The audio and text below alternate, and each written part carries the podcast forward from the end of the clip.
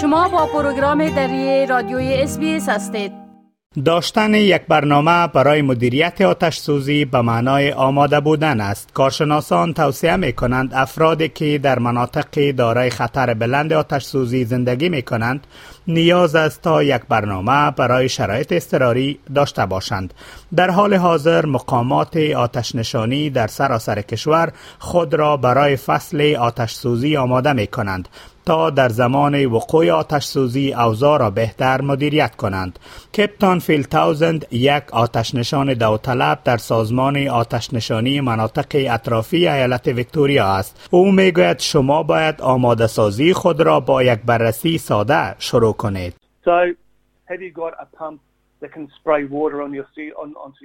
بنابراین اگر در معرض خطر آتش سوزی قرار دارید آیا پمپ تهیه کرده اید که بتواند آب را بر روی بام شما بپاشاند آیا در شرایط اضطراری راهی برای نجات دارید؟ ملکیتی که خوب تجهیز شده باشد چانس بیشتری دارد تا از آتش سوزی مسئول بماند. برخی از نکات اساسی در مسئول ماندن خانه هایتان عبارتند از همواره برگ و شاخه های خشک درختانتان را از نوه ها پاک کنید. سیستم آبپاشی آتش را با نوه ها وصل کنید.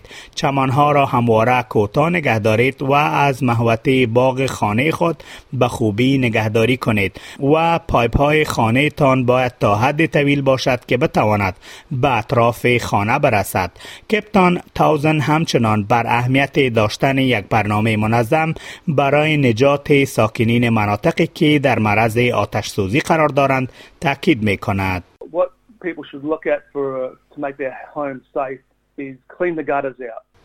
آنچه که مردم باید مراقب آن باشند پاک کردن ناوه ها است. قبل از شروع تابستان این کار را انجام دهید. ناودان ها را تمیز کنید. هر گونه شاخه های کوچک درختان هر چیز دیگری از این قبیل را از آن بیرون بیاورید. همچنان چمن های خانه را کوتاه کنید. همان طوری که قبلا گفتن یک برنامه منظم برای نجات داشته باشید و اطمینان حاصل کنید که همه افراد در خانه از این برنامه آگاه هستند. وی می‌گوید مقام های آتش نشانی در هر ایالت استرالیا یک طرح برای نجات را پیشنهاد می کند و آن را در وبسایت های خود نشر کردند.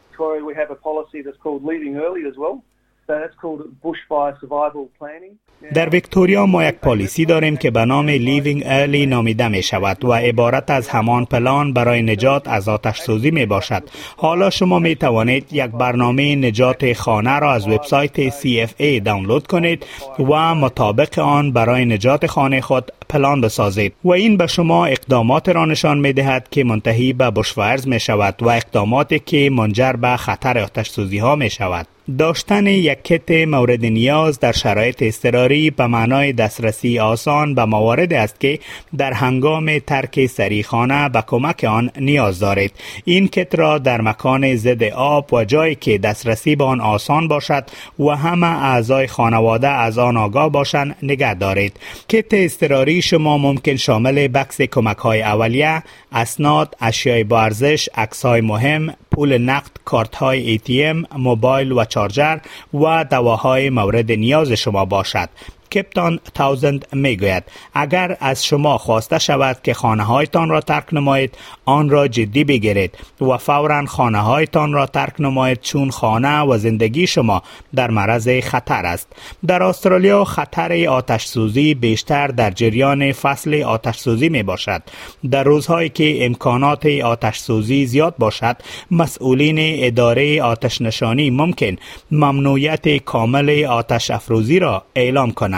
در آن روزها هیچ فرد اجازه روشن کردن آتش در فضای باز را نخواهد داشت و همه مجوزهای مربوط به آتش افروزی به حالت تعلیق در می آیند. اگر هوا بسیار گرم، خشک و همراه با وزش باد باشد، یک چرقه آتش در هنگام پختن غذا و یا یک سیگرت می تواند باعث آتش سوزی و یا گسترش آن شود. ستیوارت ماتیولس از اداره CFA می گوید.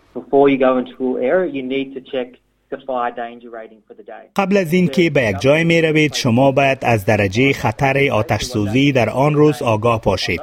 حکومت در ساحات مختلف موارد را قرار خواهد داد که روز ممنوعیت کامل آتش افروزی نامیده می شود یعنی در آن روزها آتش افروختن بسیار خطرناک است.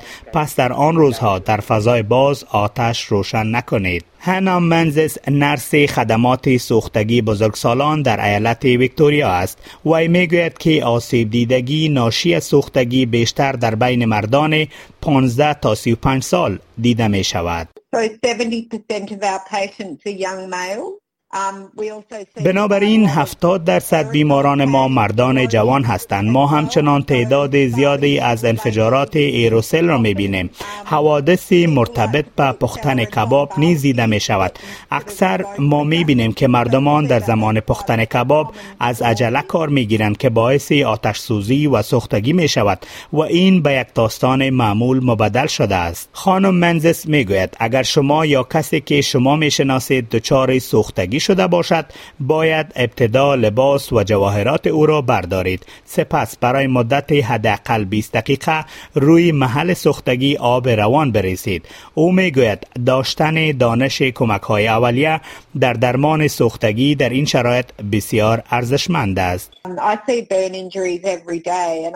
من هر روز جراحات ناشی از سوختگی را می بینم و تفاوت بین افرادی که کمک های اولیه خوب انجام می دهند و کسانی که این کار را نمی دهند می بینم.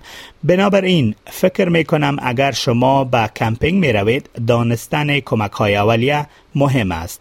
در حالات عاجل و اضطراری به شماره سی سفر زنگ بزنید و اگر به ترجمان ضرورت داشته باشید از خدمات عموما رایگان ترجمانی با زنگ زدن به شماره 13 14 50 استفاده کنید. بپسندید، شریک سازید و نظر دهید. اسپیس دری را در فیسبوک تعقیب کنید.